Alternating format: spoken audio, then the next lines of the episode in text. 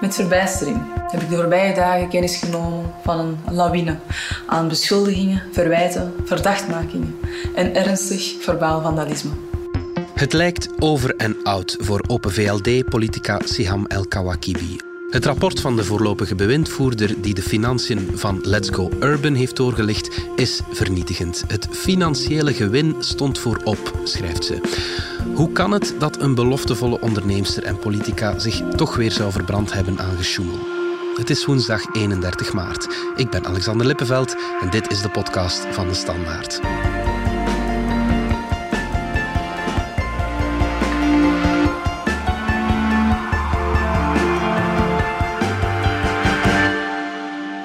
Bart Brinkman van onze politieke redactie. Laten we even beginnen met de feiten. Het is een kluwen aan het worden, maar kan je kort uitleggen wat Siham El Kawakibi verweten wordt? Wel, eigenlijk draait het rond vermenging. Mhm. Uh, dus je hebt aan de ene kant haar initiatief Let's Go Urban, wat eigenlijk een soort straatdanscollectief is, eh, de, bedoeld om jongeren te empoweren, ook uh, begeleiding bij huiswerk en dat soort dingen meer. En die worden gesubsidieerd door de stad en door Vlaanderen en door sponsoring. Ja. Aan de andere kant ja, noemt ze zich een onderneemster en heeft ze dus een vijftal vennootschappen opgericht die zich met allerlei dingen bezighouden. Consultancy, reclame. Daar zat zelfs een arbeidsbemiddelingkantoor bij. En tenslotte Gigi House, wat een eventlocatie is. Ja. En ja, wat is er gebeurd? Een te groot stuk van het omzetcijfer van haar diverse vernootschappen bleken te leven van Let's Go Urban.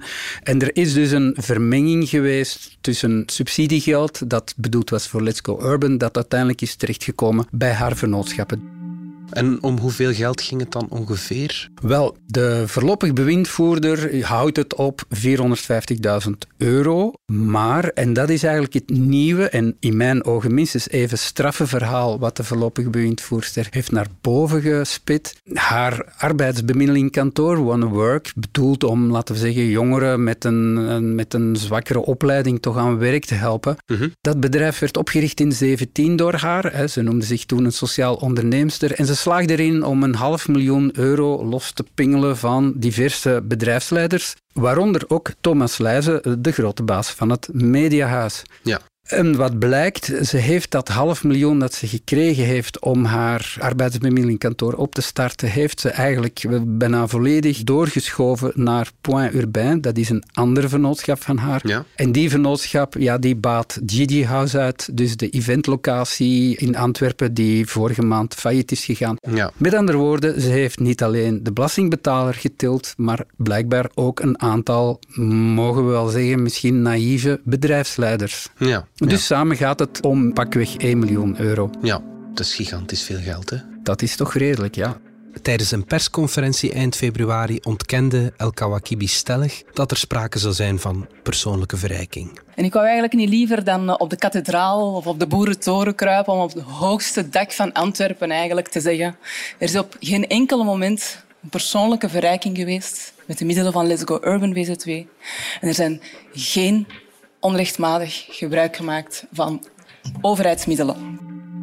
Hoe is de bal eigenlijk aan het rollen gegaan? Wel, eigenlijk start dit verhaal in het voorjaar van 2020, dus ongeveer een jaar geleden, waarbij de Raad van Bestuur vragen stelt over het feit dat er vrij veel geld naar buiten gaat. Mhm. Op een moment dat Let's Go Urban zo goed als stil ligt. Daarvoor zijn twee redenen. De eerste reden is corona. De zaak wordt on hold gezet. Maar de tweede reden is de bouw van Urban House. Dat is de vaste stek dat Let's Go Urban moest krijgen op het Antwerpse kiel. Ja. Die vraag komt er omdat er een circuit van rollers tot stand komt. Antwerpen is niet zo groot, ons kent ons. En ja, in 19, in 18 hebben we verkiezingen gehad. Nogal wat partijen hadden hun oogje laten vallen op Siham El Kouakibi. Omdat het natuurlijk, het is een aantrekkelijke, charismatische vrouw. Ze heeft een verhaal. En wat blijkt, ehm, ja, de NVA heeft ook even gedacht om haar op de lijst te zetten, maar is daarvan teruggekomen omdat ze toch verhalen had gehoord rond financieel gesjommel. En al die verhalen zijn eigenlijk ook bij de Raad van Bestuur terechtgekomen. Er wordt haar om meer uitleg gevraagd en die komt er niet. Dat verhaal blijft maar duren tot het najaar, tot de maat vol is bij de Raad van Bestuur. En mhm. er wordt uiteindelijk besloten om een externe audit te bestellen bij iForce. Die audit die komt uit eind januari dit jaar. En mhm. die is eigenlijk ook al vernietigend. Die bedragen zijn wat lager, de bewijsvoering is wat magerder. Dat komt ook omdat ja, die, die, die audit moet natuurlijk betaald worden. Let's mhm. Go Urban blijft een VZ2 die leeft van subsidies. Dus iForce heeft het moeten doen met de middelen die ze had, maar komt toch al tot de vaststelling dat er minstens 350.000 euro onverklaarbaar is. Dus we komen al in de buurt. Ja, dat is al niet min. En de voorlopige bewindvoerder, Annemie Moens, die heeft daar ja, nog een schepje bovenop gedaan, zeg ja, maar. Met uh, het document van iForce is een deel van de Raad van Bestuur naar de ondernemingsrechtbank uh, getrokken uh, met de vraag om een voorlopig bewindvoerder aan te stellen, omdat die leden van de Raad van Bestuur natuurlijk mee verantwoordelijk zijn voor de handel en wandel. ja. Een aantal leden hebben dan meteen ook ontslag genomen. Mhm. En het zijn eigenlijk die mensen die op dit moment de voorlopig bewindvoerder betalen, want tot de rechtbank definitief uitspraak heeft gedaan over het feit dat dat al of niet terecht was, dat zo'n voorlopig bewindvoerder er is, wordt die betaald door, door de ontslagnemende leden van de Raad van Bestuur. In een eerste reactie, begin februari, klonk El Kawakibi erg ontzet en klaagde ze de aantasting van haar reputatie aan. En ik heb er alle vertrouwen in, in dat onderzoek. Dat het onderzoek zal aantonen dat deze extreme aantasting van mijn reputatie, dat ik die niet verdiende. Want dat is gebeurd. De voorbije dagen is een volstrekt eenzijdig en afschuwelijk, ongenuanceerd verhaal verteld.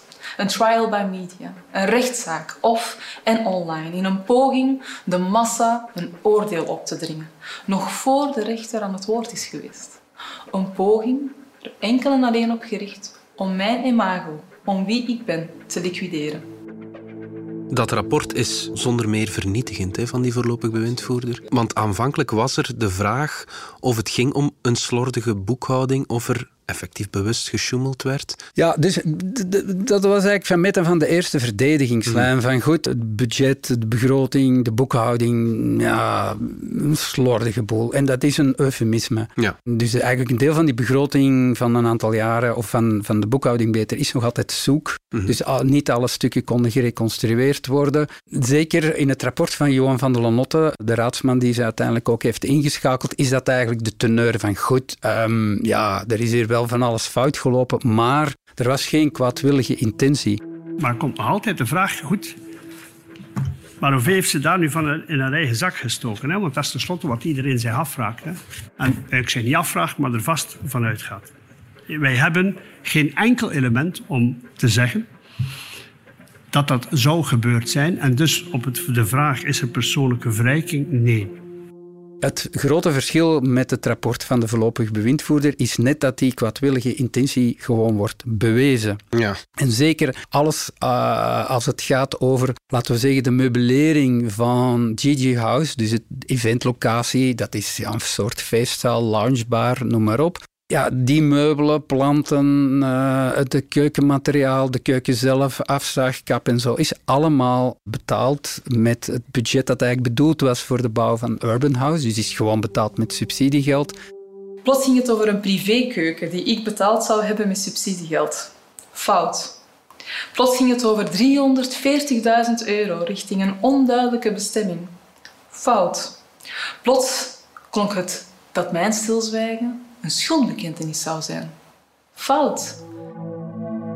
En daarbij heeft men kunnen vaststellen dat er met de facturen geknoeid is, omdat zij en haar zakenpartner geprobeerd hebben om die facturen altijd te zetten op het adres van Let's Go Urban, terwijl dat er eigenlijk geleverd moest worden in uh, Gigi House, uh, wat op een totaal andere locatie is. Dus ze heeft eigenlijk, en dat is blijkbaar ook vastgesteld, ze heeft een aantal facturen vervalst, ze heeft de adressen gewijzigd, ze heeft een aantal hoofddingen aangepakt. Uh, dus ja, dat dat noemt men voorbedachte raden. Ja, hoe kan je je daartegen verdedigen tegen die aantijgingen? Wel, dat zullen we zien, want eigenlijk heeft ze zich op dat punt nog nooit verdedigd. Van der Lanotte heeft wel gezegd dat er een zogeheten bruikleenovereenkomst was. Hij heeft zelfs op een bepaald moment beweerd dat dat een uitstekende zaak was voor Let's Go Urban, omdat de meubelen en planten die zogezegd nog niet naar Urban House konden, omdat de oplevering nog niet helemaal in orde was, dat ze dan geen stockagekosten moesten betalen. Nu blijkt, en dat heeft Van der Lanotte niet verteld, of hij wist het niet, één, er was weliswaar een bruikleenovereenkomst, maar die is getekend en tegengetekend door Siham El Kouakibi zelf. Mhm. Dus ja, zo is het makkelijk natuurlijk om een contract te sluiten. En twee, ja, wie de meubelen zou zien, of planten van zes meter hoog, die zou natuurlijk ook wel kunnen opmerken dat dat niet bepaald geschikt is om in een jongerencentrum te stallen. Dus, um, dus eigenlijk was het van meet af aan duidelijk dat, dat ze daar de boel wilde belazeren. Ook de keuken bleek op maat gemaakt te zijn van Gigi House. Uh, de dampkap is geïnstalleerd, er zijn braakwerken gebeurd. Dat is, een, uh, dat is denk ik een, een hopeloze zaak om, om u daaruit uh, te kletsen. Waarom heeft een ervaren politicus, een ervaren jurist als Johan van der Lanotte, minister van Staat en van wat nog allemaal, waarom heeft hij zich daar nu mee gemoeid? Waarom doet hij dat? Dat is een vraag van 1 miljoen. Niemand begrijpt dat. Um, en uh, zijn voorzitter, uh, Rousseau, is daar ook helemaal niet gelukkig mee. De meest voor de hand liggende uh, verklaring is dat hij het spel mist, dat hij aandacht heeft of nodig heeft. Ja. En dat dat de reden is waarom hij zich in die zaak heeft ingegraven. Alleen ja, kunnen we vaststellen dat hij oftewel zelf om de tuin geleid werd door uh, mevrouw Elko Akibi, mm. ofwel dat hij ja, de zaken toch niet zo goed uh, bekeken heeft. Let's Go Urban heeft veel subsidies gekregen de afgelopen jaren, vooral voornamelijk vanuit de stad Antwerpen. Hoe is El Kawakibi eigenlijk in een positie geraakt dat ze zoveel subsidies toegeschoven kreeg van het stadsbestuur? Wel, El Kouakibi is natuurlijk al een hele tijd bezig. Hè. Mm zij, zij, is met Let's Go Urban gestart, denk ik, in 2009, 2010. En heeft eigenlijk in de beginjaren nogal wat furoren gemaakt. Heeft zich daar eigenlijk ook heel sympathiek mee gemaakt. Is zelfs op een bepaald moment uitgeroepen tot Antwerpenaar van het jaar. Okay. En dat is eigenlijk verankerd in een structurele samenwerking, omdat zij op zich een goed verhaal had. Ja. Um, ja, we kunnen natuurlijk lang discussiëren over de manier waarop dat je naar een inclusieve samenleving moet werken, hoe dat je moet omgaan met jongeren die ja, van allochtone komaf zijn of hun school niet hebben afgemaakt, hoe dat je hun identiteit moet opkrikken, hoe dat je die moet empoweren en dat soort, uh, dat soort dingen meer. En zij had gewoon één, een goed verhaal. En twee, de coalitie die in Antwerpen toen aan de macht kwam, hè, dus een N-VA-VLD-CD&V-coalitie, eh, ja, dat, dat paste daar ook goed in. Een beetje weg van de, van, de, van de normale gesubsidieerde paden, uh, de, de andere migrantenorganisaties die vroeg of laat dan toch een minder goed imago kregen. Dus er kwam eigenlijk een nieuw initiatief waar de stad gewoon in geloofde en die ongetwijfeld ook zeer goed werk ja. Heeft verricht of nog altijd verricht. En zij was daar het perfecte uithangbord voor en zij heeft, uh, zij heeft ja, bakken vertrouwen gekregen. Ja. Um, en achteraf gezien misschien ja, wellicht te veel vertrouwen. Ja, ja, ja, en zo is ze ook op de lijst van Open VLD gekomen bij de verkiezingen van 2019. Ja, zij is natuurlijk, zij, zij zit al langer in, in, laten we zeggen, de slipstream van de, van de liberalen. Zij is ook ontdekt geweest door, uh, door mevrouw Van Die op dat moment in de Antwerpse gemeenteraad zat voor Open VLD. Dus de, er is altijd wel een liberale link geweest. Ja. heeft ook in de raad van bestuur van de VRT gezeten voor de VLD. Dus het was eigenlijk ook wel te verwachten dat ze daar vroeg of laat zou opduiken. Maar er waren veel partijen die haar wel hadden Er waren veel partijen, dus ook N-VA uh, was geïnteresseerd. De, het verhaal gaat dat ook de SPA geïnteresseerd was. Dus er waren verschillende partijen. Alleen, ja, zoals ik zei, ze heeft eigenlijk wel een, een link met die liberale partij die, die al ongeveer tien jaar meeging. En dus was het toch wel een beetje te verwachten dat als ze de stap zou zetten, mm-hmm. dat dat bij Open VLD zou zijn. En uiteindelijk ja, heeft ze dat dan ook gedaan in, in 19. Ja, en dan is ze in het uh, Vlaams parlement Klopt, uh, terechtgekomen. Ja. Maar toen ze voor Open VLD koos, Daar had ze ook een prijs voor, dat campagnegeld. Absoluut. Uh, daar hing ja, ook wel een geurtje aan. Ik vind het een beetje een randverhaal, omdat daar eigenlijk niks fout gelopen is. In de zin van, zij heeft daar de boel niet belazerd, ze heeft gewoon naar veel duur verkocht. En als er één ding is waar ik van overtuigd ben, is de manier waarop mensen worden bereikt via campagnes, klassieke campagnes, dat dat voor mij niet de manier is om, uh, om aan de slag te gaan. En dus heb ik ervoor gekozen om dat op mijn manier te doen. Dat hebben we ook zo afgesproken met de partij. Ik had op dat moment zelf geen mandaat, geen medewerkers, nog in een partij, nog als mandataris. Dus ik heb eigenlijk een freelance, iemand extern, eigenlijk als campagneleider erbij gehaald. Zo simpel is het eigenlijk. En dan kun je natuurlijk afvragen, is dit verstandig geweest van Open VLD om dit te doen of niet? Goed, daar kunnen we lang over discussiëren. Aan de andere kant, een wit konijn komt nooit gratis. Mhm. Eh, niet alleen moet je die een goede plek op de lijst beloven, maar je moet ook altijd de campagne ondersteunen. Dat gebeurt eigenlijk in andere partijen even goed zo. Maar in de beeldvoering is het vandaag niet zo. Nee, natuurlijk. in de beeldvorming helpt het natuurlijk niet, omdat zij ervoor gezorgd heeft dat er wel wat meer geld uh, haar richting uitkwam. Nadien kwam er nog eh, een verhaal van een extra 50.000 euro, laat dat duidelijk zijn. Mijn campagne is apart gevoerd. Nadien heeft de VLD zelf de vraag gesteld aan WannaCatch, het communicatiebedrijf, om te helpen. Los van mijn campagne, dat is een aparte offerte en een factuur geweest. Ik ben er ook niet in betrokken geweest, want ik had het toch wel een beetje druk met mijn eigen campagne op dat moment op de tweede plaats. Dus ja, goed, ze heeft, ze heeft gewoon een goede zakelijke deal gesloten um, en de VLD heeft betaald. Ja. Kijk. Dat valt haar eigenlijk niet, uh, niet dat te verwijten. Eigenlijk, eigenlijk eh, vandaar, ik,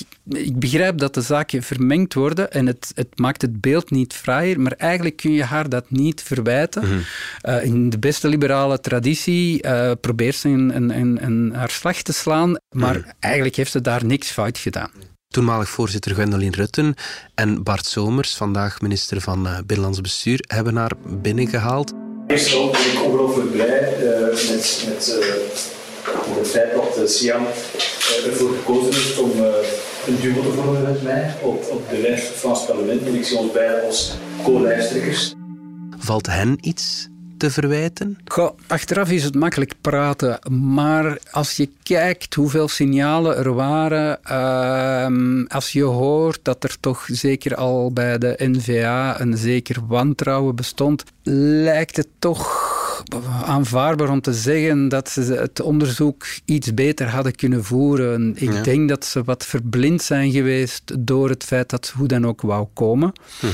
En dat dan alle mogelijke achterdocht is, uh, is verdampt. Mhm. En En ik denk dat dat nu wel een beetje, ja, dat het hen zuur opbreekt. Uh, ze hadden misschien een aantal signalen moeten zien die men in Antwerpen, in de stad dan, wel, uh, wel gezien heeft. Mm en je zegt zuur opbreken. Kan dat gevolgen hebben voor Somers en Rutten? Een gevolg is een groot woord, maar het straalt natuurlijk negatief af mhm. op zeker uh, Rutte wat minder. Zij is wat uit de picture sinds dat ze voorzitter af is. Maar natuurlijk, Bart Somers is ook minister van Samenleven. Ja is volop bezig met de reorganisatie van alles wat te maken heeft met integratie, met inclusie. Het is, voor de liberalen is het heel vervelend, omdat zij natuurlijk ook in het Vlaams parlement zit, waar ze, moeten we toch toegeven, eigenlijk geen bal heeft uitgestoken. Mhm. Zij is nu weliswaar ziek sinds oktober. Enfin, ze heeft een officieel ziektebriefje, maar ook voordien uh, een aantal, laten we zeggen, jaloerse partijgenoten, partijgenotes moet ik eigenlijk zeggen, mhm. hebben toch ook eens gekeken wat ze eigenlijk had uitgericht. Uh, dat bleek dus less than zero te zijn. Mhm. Ja, dan kun je natuurlijk wel in, in grote interviews gaan vertellen dat je de wereld gaat veranderen. Maar als je dan uiteindelijk je parlementaire werk uh, op een zeer laag pitje staat, dan maak je natuurlijk jezelf en je partij politiek compleet belachelijk. Dus ze zitten daarmee. Um, de, ik, ik, kan me niet voorstellen dat ze zich nog vertoont in mhm. het Vlaams parlement. Maar, maar goed, is, de, het is toch een manier om op zijn minst 5.000 tot 6.000 euro per maand te verdienen om financieel boven water te, te drijven. Want ja, haar belangrijkste bron van inkomsten, uh, Gigi House, uh, heeft natuurlijk geen inkomsten door corona en is, is, ja, is ook failliet gegaan. Dus ze heeft eigenlijk ook geen inkomsten meer. Ja. Ik vraag me eigenlijk af, Bart, waarom ze in de politiek is gestapt. Ze wist toch dat ze dingen had verkeerd gedaan. En ze wist toch, als ze in het parlement zit, dan wordt ze een, een nog belangrijker publiek figuur.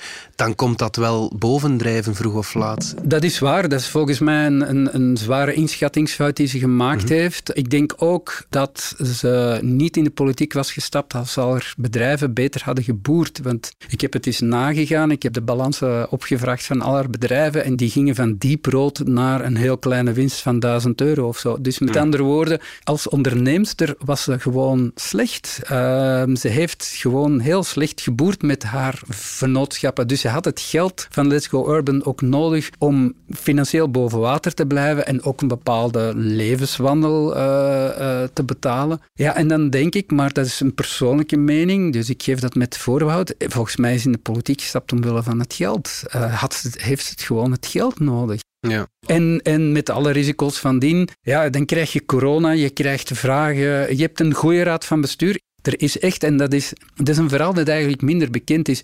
Sommige mensen die daar gewerkt hebben, die zijn emotioneel getekend door de, door de vorm van terreur die op hen is toegepast, omdat zij met een aantal dingen, met een aantal vragen over financiën naar buiten zijn gekomen.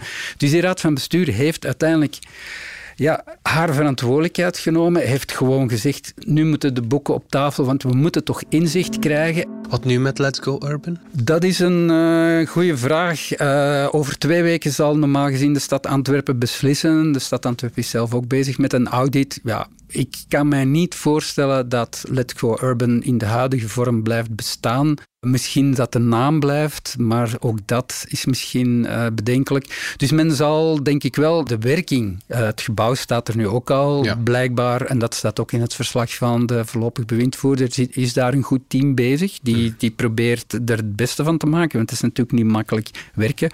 Het geld is ook op eind april. Dus ik kan mij voorstellen dat de stad een initiatief blijft uh, financieren daar in die buurt. Het is ook een wat moeilijker buurt. Maar dat het voor El Kouakibi, dat het daar uh, voor volledig voorbij is, dat, dat lijkt me nogal evident te zijn. Dus ik denk de voorwaarde dat er iets zal blijven bestaan, is dat het zo ver mogelijk afblijft van de invloed van ja. mevrouw El Kouakibi. En wat met haar politieke carrière? Want uh, ze kan misschien wel uit Open VLD gezet worden, maar uit het Vlaams parlement, dat is niet zo gemakkelijk. Ja, ja je kunt, kunt u afvragen of dat het woord politieke carrière natuurlijk op zijn plaats is in dit geval. Want er lijkt mij niet te veel carrière uh, meer over te blijven. Dus ze kan inderdaad niet uit het Vlaams parlement worden gezet. Ik denk ook dat uh, het is ook moeilijk om haar uit de partij te zetten tot de rechtszaak achter de rug is. Dus dat dat zal toch nog wel even duren. Ze is op non-actief gezet. Maar dat betekent dat ze stikgenomen nog wel lid is van de fractie. Dus ja, binnen de VLD gaan er stemmen op. Ik hoop een aantal mensen dat ze uit eigen beweging ontslag zal nemen en dat ze er dan vanaf zijn. Mhm. Maar voor hetzelfde geld blijft ze daar zitten tot uh, juni 24. Want mhm. zoals ik al eerder zei, het is een, nu eenmaal een goede bron van inkomsten.